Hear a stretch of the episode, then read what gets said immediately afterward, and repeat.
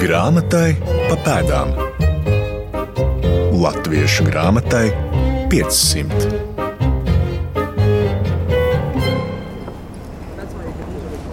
Esiet sveicināti raidījumā Grāmatai pa pēdām. Mans vārds ir Māra Rozenberga, un šodien mūsu raidījuma sākuma punkts būs Doma laukumā. Jo tieši šeit, ar Domu baznīcu, 19. gadsimta sākumā viens pēc otra durvis vēra vairāki grāmatu apgādi ar būtisku nozīmi tā laika grāmatniecības attīstībā. Ka tad mēs varam Ar kuru virzienu mēs varētu sākt? vismaz domu baznīcu. Mūsu gids šajā reizē būs Latvijas Nacionālās bibliotēkas vadošais pētnieks Pauls Dāja. Mums, protams, ir jāiztēlojas Rīga 19. gadsimta sākumā. Tātad pirmkārt Rīga, kuras vaļņi vēl nav nojaukti, Bastēja kalna vēl nav, bulvāra loka nav, Nacionālās operas nav un, protams, nav arī doma laukuma. Šeit ir pilns ar ēkām un, un ejām starp šīm ēkām, mazām ieliņām. Nu, tas nozīmē, ka šeit izskatījās pavisam savādāk, varbūt ne tik uh, augstas ēkas kā pašlaik. Jā, un apmēram šajā rajonā apkārt Doma baznīcai grupējās arī uh, citu izdevēju telpas un arī veikali pie tām.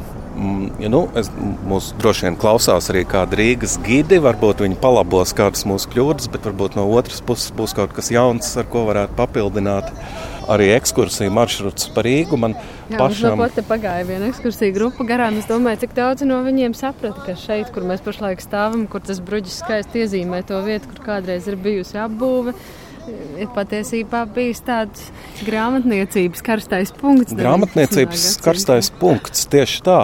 To vēl vajadzētu popularizēt. Man liekas, ka tāda grāmatniecības karte Rīgā būtu ļoti interesanta.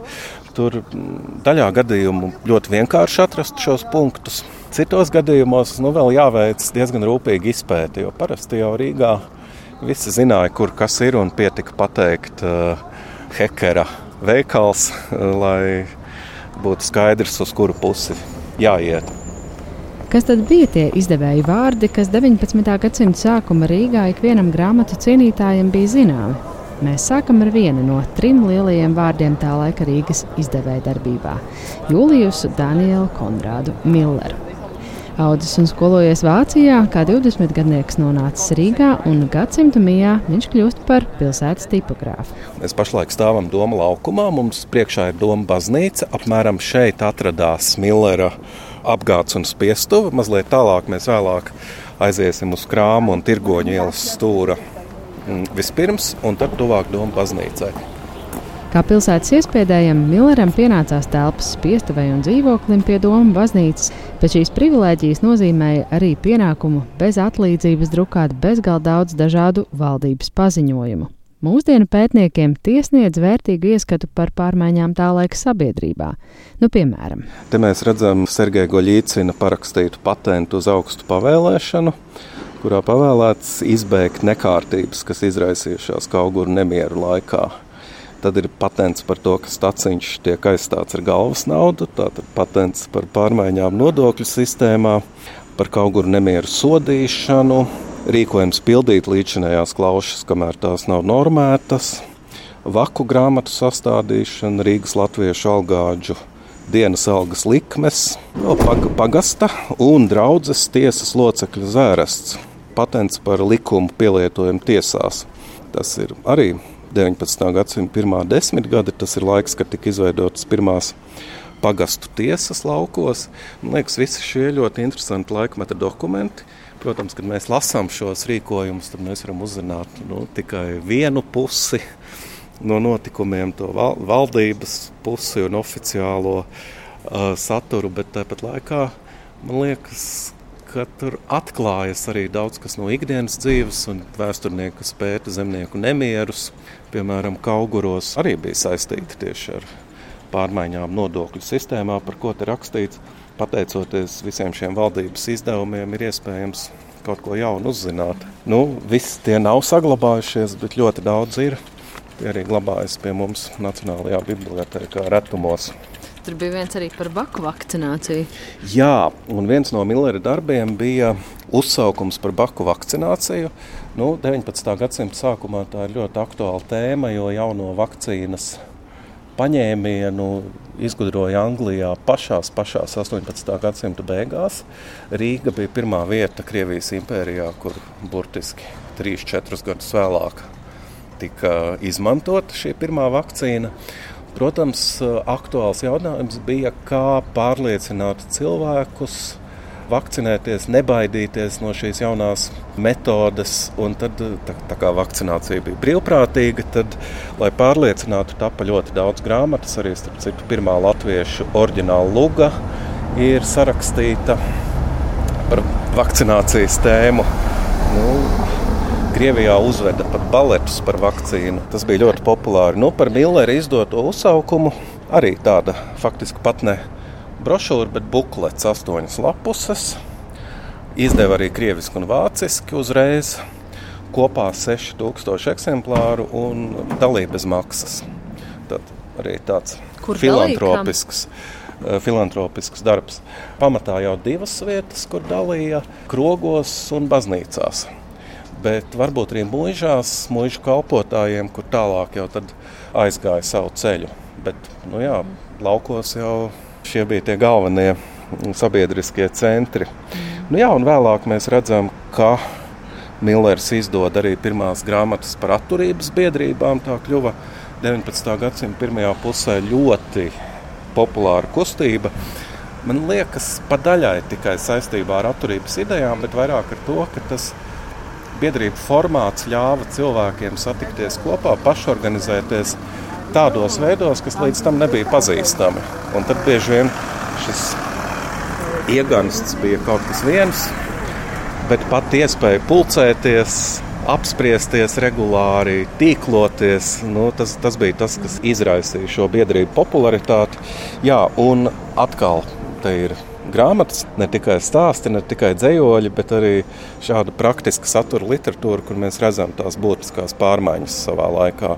Jo, protams, nu, augstākās kārtas jau ar tādām aizdomām skatījās uz šo zemnieku biedrošanos un mēģināja dažādi ierobežot arī atturības biedrības. Millera apgādā iznāca arī divas 19. gadsimta sākumam ļoti svarīgas mācību grāmatas. Kristofa Hārdera pirmā matemātikas grāmata latviešu valodā un Friedriha Erdmana Štola jauna boksterēšanas un lasīšanas grāmata.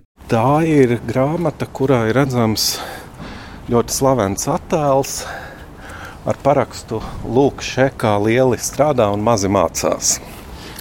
Attēls, ko šķiet ir darinājis mākslinieks, kas ir latvietis pēc tautības, varētu būt viens no pašiem, pašiem pirmajiem latviešu mākslinieku zīmējumiem, kas ir iespiests e, grāmatā.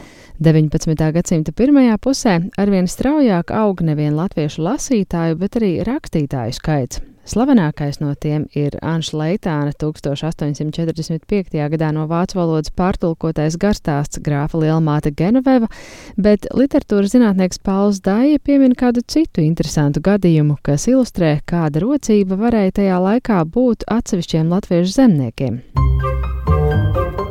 Atklājam tekstus! Viens interesants stāsts ir par Masalacas saimnieku Kristopu Kaktiņu, ļoti aktīvu atturības biedrību organizētāju. Viņš arī rakstīja dažādas reliģiskas satura grāmatas, gan attiecībā uz viņu grāmatām, gan uz uh, sabiedrisko darbību. Turpat nācās baznīcai drusku pievilkt skrūves, jo viņiem likās, ka viņš ir pārāk aktīvs. Nu, lūk, un grāmatniecības vēsturnieks Aleksis Apīnis ir izpētījis to, ka Kaktiņš izdeva grāmatas par savu naudu, bet drukāja pie Millera. Tātad faktiski būtu titulapā rakstīts Rīga, Millers, 1843. gads. Bet īstenībā par izdevēju būtu jāuzskata, ka Kaktiņš Millers ir iespiedējis. Millers ir ar mieru izdot, ja Kaktiņš apmaksās šo izdevumu. Un, kā jau teicu, apīnis ir izpētījis prediķu krājums, svētas patiesības liecinieks. 1843. gads. Tirāža ir 1555 eksemplāri kas eh, tātad kaktiņam izmaksāja 1000 rubļus. Klāt nāca maksa Ansim Leitānam par rediģēšanu, iesējējiem par iesiešanu, vēl kādi papildus izdevumi kopā gandrīz 2000 rubļu, kurus kaktiņš samaksāja. Nav jau tā, ka visi zemnieki bija nabadzīgi. Īstenībā mēs ļoti bieži caur šādiem stāstiem redzam, ka bija savi ietaupījumi un lūk, izdot grāmatu. Citiem latviešiem lasīšanai tas šķita pietiekami vērtīgs naudas ieguldīšanas veids. Bet atgriežoties pie grāmatu izdevēja Millera, iezīmīgs ir arī viņa darbs populārākā Baltijas vācu laikraksta Rīgiša Caitunga izdošanā. 1820. gadā viņš saņems zelta nopelnu medaļu par savu darbu, bet pirms tam par brīvdomību tiks gāsts no kroņa tipogrāfa amata un cietīs arī no cenzūras, kas pēc Lielās Franču revolūcijas kļuvusi īpaši neganta, stāsta Pauls Dāja. Millera, Deibnera, Hekera laiks, tas ir arī pirmais sociālisma ideju tapšanas laiks, un aizliegtās literatūras netrūka bet interesanta epizode ar Milleru. Viņam vai nu tā bija cenzūra, vai valdības iestādes, vai abas kopā. Viņam lika iespiest latviešu kalendārā arī pareizticīgo svētku dienas. Un viņš, tas jau bija tādas pirmās pārkrievošanas vēsmas, un, un Millers bija pret to. Kāpēc? Grūti pateikt. Iespējams, ka viņš jau drusku raudzījās uz priekšu un redzēja šo pārkrievošanas bīstamību ne tikai latviešiem, bet arī vācu minoritātei, kā tas arī vēlāk pierādījās. Nu, pamatoja viņš ar to, ka zemnieki sāks svinēt arī šīs dienas paralēli esošajām, un tad vispār neviens darbs nevirzīsies uz priekšu. Nu jā, viņš atteicās. Un acīm redzot, viņam nācās saskarties ar lielākām vai mazākām represijām, jo viņš kalendāru pārstāja izdot. Mm. Nu, tad no tā mēs varam spriest, ka šī atteikšanās, un pēc tam viņš zaudēja arī pilsētas iespiedēju amatu. Tā tad pārāk nepaklausīgs bija. Un tomēr pagāja gadi, un viņš kā kompensāciju saņēma to medaļu par nopelniem, ko mēs redzējām attēlā. Paula Dājas pieminētais attēls ir Jūlijas Millera portrets, kas šodien apskatāms Rīgas vēstures un kuģniecības muzejā. Izpētes augsta. Jūlijas Millera portrets 1820. 20. gads bija tas, kad viņš saņēma medaļu par nopelniem, un mēs redzam, ka viņš šo medaļu ir aplicis ap kaklu sarkanā lentē. Arī tāpat kā Hekers, diezgan uh, labsirdīga izskata cilvēks Kas ir ļoti svarīgi šajā portretā? Mēs redzam, un tur, ja mēs ieliekam to perspektīvā ar Hartkonohu ar 18. gadsimtu, mēs redzam, kas viņam nav. Viņam nav parūkas. Jā. Tie ir viņa paša mati, kas ir šajā attēlā. Plānīgi un, un viegli iesirmie. Labi redzams, jā. ka paša. Un mēs redzam arī, ka viņš ir melnos svārkos. Tā ir tā lielā pārmaiņa ģērbšanās modē, un šajā attēlā mēs varam teikt, ka viņš ir ļoti moderns tiem laikiem. Tas ir modes apģērbs. Līdz ar Franču revolūciju parūkas un vīriešu ļoti spilgtie, raibie, bieži vien krāsainie tērpi palika pagātnē. Vairs negribējās izskatīties kā aristokrātiem, bet drīzāk kā cilvēkiem no tautas. Pie Millera skolojās un vēlāk viņam atņemto pilsētas tipogrāfa amatu ieņēma Vilhelms Ferdinands Hekers, vēl viens iebraucējs, kurš tieši Rīgā nodibina savu spiestuvi, kas pastāvēs veselus 140 gadus. Jā, Hekers ir otrs šodienas varonis. Abi divi, gan Millers, gan Hekers, nav vietējie vācieši. Viņi iebraukuši šeit no Vācijas. Un, eh, tā vispār ir interesanta tendence izdevēja darbības vēsturē, ka Tie bija tieši iebraucēji, kas uh, sekmēja grāmatu izdošanas attīstību. Nu, arī Stefenhāgens un Hartknohs, par kuriem mēs runājām iepriekšējā raidījumā, viņiem arī nebija vietējie dzimuši uh mhm. -huh. ārpus Latvijas, bet nostiprinājušies šeit. Un tad savukārt viņi izveidoja veselas dinastijas apgāde palika ģimenes īpašumā, bieži vien līdz pat 20. gadsimta vidum. Un tieši Vilhelms Hekers tiek uzskatīts par pirmo, kurš Rīgā atver specializētu latviešu grāmatu veikalu.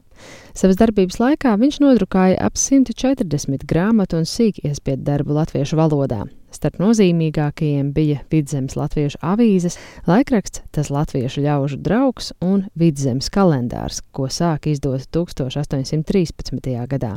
Pauls Dāja parāda vienu kalendāra titullapu. Artefakta gaismā. Nu, šeit mēs redzam slaveno Hekera vidzemes kalendāru. Te nav rakstīts Hekera kalendārs, bet tautā to sauc par hekera kalendāru, tik populārs tas bija. Nu, tā tad te ir rakstīts ar daudz bildēm pušķots, tā tad ilustrēts Rīgas pilsētā, driķēts un dabūjams pie hekera, latviešu grāmatu bodē, Domes Ganģī. Tātad Doma krustajā, acīm redzot, šis tiek uzskatīts par pirmo grāmatu veikalu, kas specializējās tieši latviešu grāmatu izplatīšanā Rīgā. Nu, varbūt jūs varat uzmest aci un komentēt, ko mēs te redzam uz šī kalendāra vāka. Apžēliņi tur ir tik daudz visa kā. Lauksaimniecības darbi un ražas novākšana un braukšana pēc malkas šķiet. Vārdu sakot, viss cilvēka gada ritms. Jā, raksturīgākās vidzemes ainas. Nu, jā, vāks ir melnbalts, bet uh, tiem laikiem vienalga ļoti aizraujošs. Un, nu, te var kādu brīdi pavadīt pie vāka vien pirms šķirt vaļā kalendāru. Droši vien arī jāpaskaidro, ko mēs domājam ar vārdu kalendārs šeit. Proti, kalendārs kā grāmata. Tā ir grāmata, kuras sākumā katrā lapusē ir savs mēnesis, un tālāk ir dažādi teksti, ko var lasīt. Nu, Nevelti kalendārs bija populārākā latviešu laicīgā lasāmviela nu vēl ilgi 19. gadsimtā. Tas bija nepieciešams praktiskiem nolūkiem arī, lai pierakstītu aktualitātes un veicamos darbus vai izdarītos darbus. Un tad līdz ar kalendāru drusku pa sētas durvīm varēja lasītājiem iemānīt arī daļliteratūru, dzējoļus, praktiskus tekstus, jokus, nu, tā kalendāru pielikumu lasām viela bija ļoti, ļoti raiba. Atšķirībā no 18. gadsimta apgaismotājiem, kas grāmatas latviešu izdod galvenokārt misijas apziņas vadīti, Hekera lēmums atvērt tieši latviešu grāmatu veikalu jau ir skaidrojams ar brīvo tirgu un pieprasījumu. Tas mērķis ir sasniegts, un grāmatas jau sāk izdot pēc lasītāja pieprasījuma. Tad 19. gadsimta pirmā puse īpaši sākot ar 30. gadiem, jau ir triviāla literatūras, jeb lubu literatūras uzplaukuma sākums. Vēlāk jau ir īsti ziedu laiki. Nu, principā tā ir. Tā skaits ir krietni audzis. Jā. Ir kas grib un paši gatavi par to maksāt. Mm -hmm. nu, izrādās, ka tas, ko viņi grib, nevienmēr ir Šilera tulkojumi vai augstas gudrības grāmata. Iespējams, drīzāk tie ir aizraujoši stāsti par seniem laikiem, eksotiskām zemēm, reizēm par bruņiniekiem, reizēm par laupītājiem. Stāsti par nelaimīgu mīlestību bija diezgan pašā pieprasījuma augšpusē arī 19. gadsimtā. Un mēs ar literatūras pētnieku Paulu Dāju dodamies uz otru domu baznīcas pusi pa pēdām trešajam šodienas varonim - grāmatizdevējam Johanam Deibneram. Sākumā viņš atvēra jaunielā, tepat, kur mēs esam. Ar skatu uz Latvijas rādio sākumā viņš atvēra grāmatu veikalu, bet ļoti ātri pēc tam arī mm, apgādu.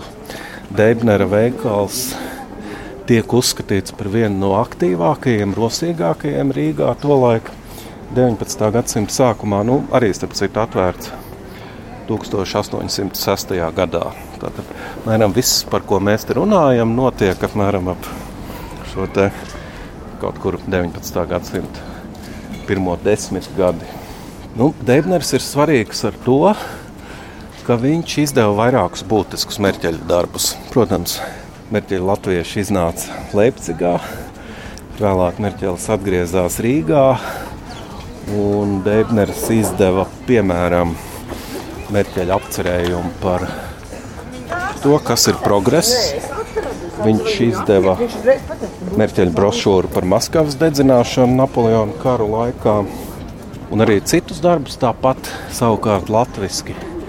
Viņš izdeva Hernhūtiešu bīskapa Loskīla dziesmu grāmatas. Nu, tie oriģināli bija publicēti 18. gadsimtā. Šajā 19. gadsimta pirmajā pusē bija Hernhūtiešu otrie ziedu laiki. Un tad arī uh, Rīgas izdevēja diezgan aktīvi laida klajā Hankotiešu grāmatas. Loskīla dziesmas bija ļoti, ļoti populāras. Beig beigās arī pirmo vidzemē domāto vācu pavāru grāmatu, Katarīnas Fēres pavāru grāmatu arī izdeva Deibners. Tātad šeit jaunielā vēlāk viņš pārcēlās uz Tirgoņu ielu, kas ir tepat blakus. Jā, interesanti, ka pirmā vidzemes pavāra grāmata vispirms iznāca latviešu un pagāja vairāk gadu desmiti, kamēr nāca, nāca klajā vāciski. Deitners arī mērķiecīgi iekaro starptautisko tirgu, iegūstot izdošanas tiesības un iegādājoties uzņēmumus arī Maskavā, Odesā, Sanktpēterburgā un Berlīnē. Pēc Deitnera nāves 1837.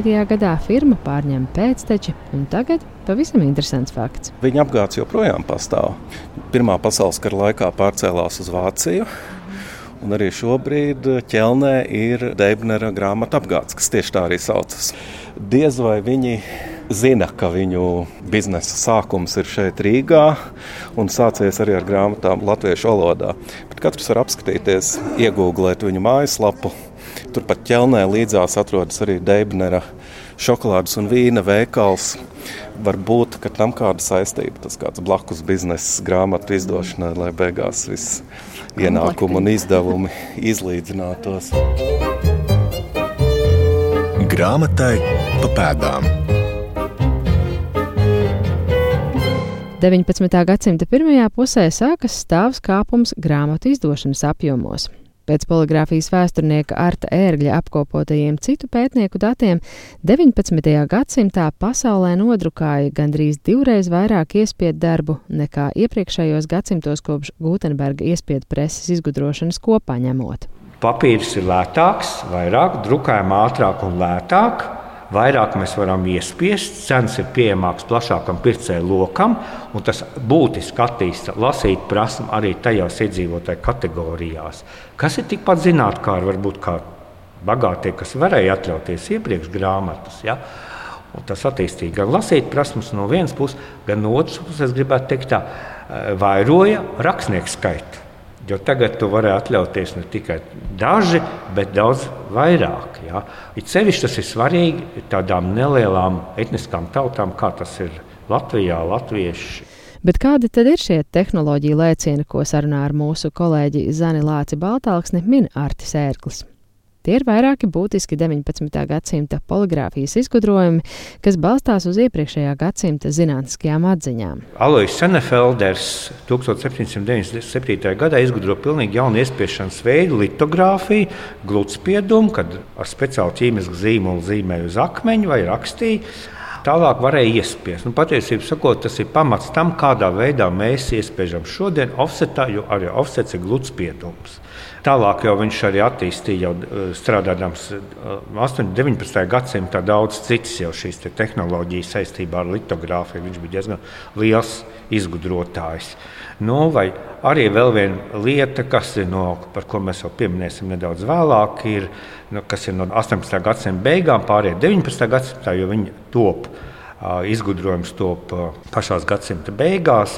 Tas ir mašīnas mēls un papīrs. Ja pirms tam papīru izgatavoja smeļot ar speciāliem rāmjiem ar rokām, un turpināja vēl to 19. gadsimtā darīt, un mākslinieki arī mūsdienās šādā veidā to dara, gan pasaulē, gan arī Latvijā, tad pašā 18. gadsimta beigās Līja Nikolā Roberts patentēja ierīci, kā varētu ražīt bezgalīgas lentas papīra, nevis tik liela, cik ir rāmis, bet nu, tādā garā lentā. Tas revolucionizē visu papīra ražošanu. Taču līdz ar straujo papīra ražošanas kāpumu sāka trūkt izēvielu. Ilgu laiku papīrs bija ražots no vecām lupatām, kas bija salīdzinoši dārgi un lēni.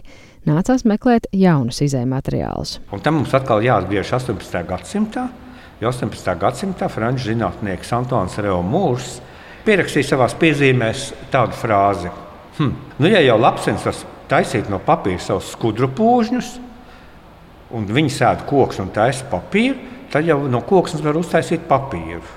Bet viņu tas vairāk neinteresē. Viņš izteica šādu frāzi, un tas pēc tam palika kaut kāds 50, 70 gadus līdz to šo te viņa tekstu izlasīja vācu izgudrotājs Friedrichs Gottliebs Kellers. Veica dažādas mēģinājumus, un 19. gadsimta vidū Viņš rada pirmo papīru, kas tiek ražots no koksnes. Tad rodas milzīgs izēvielas resurss. Latvijas teritorijā tobrīd papīru ražo Steinhauer papīra dzirnavās Rīgā, vēl vairākās vietās, bet lielais lūzums nāk 1814. gadā, kad darbu sāka Līgatnes papīra fabrika. Tajā gan vēl vairākas desmitgades papīru ražo pa vecam, no lupatām un ar rokas malumu iekārtu. Citi izgudrojumi līdz Baltijai atnāk ātrāk. Litogrāfija pēc 25 gadiem, bet ātrspiede mūsu šodienas varoņa Vilhelma Hekera spiestuvē parādās jau divus gadus pēc izgudrošanas.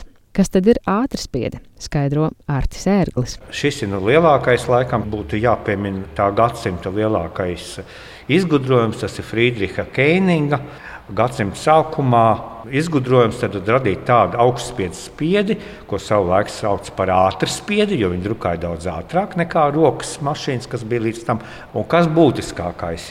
Ja 18. gadsimtā ieviesās tvaika dzinēji dažādās citās sfērās, ja, ražošanās, tad tieši Kēnigs ir tas, kas tvaika dzinēju pieliek klāt iespēju mašīnai. Protams, turpinās arī dažādi rokas varianti un citi, ja, bet viņš ir pirmais, kas šo lietu iesāk. Nu, tas ir 1814. gads, ļoti precīzi zināms datums, 1814. gada 29. novembris, kad ar Kēniņa jauno iekārtu iespieža laikrakstu Times Londonā. Kāpēc Londonā?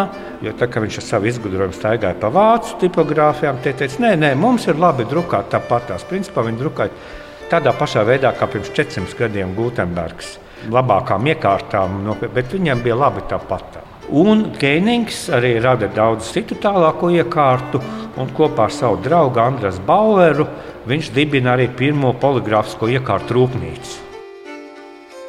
Ar to arī izskan šodienas stāsts par Rīgas izdevējiem un poligrāfijas attīstību 19. gadsimta sākumā. Paldies raidījuma ekspertiem Paulam Dājam un Artim Ērglim. Raidījuma padomdevēji ir Latvijas Nacionālā biblioteka un Latvijas Universitātes akadēmiskā biblioteka. Raidījumu veidoja Māra Rozenberga, producente Santa Lauga, par skaņu rūpējās Nora Mitspapa. Grāmatai pa pēdām Latviešu grāmatai 500.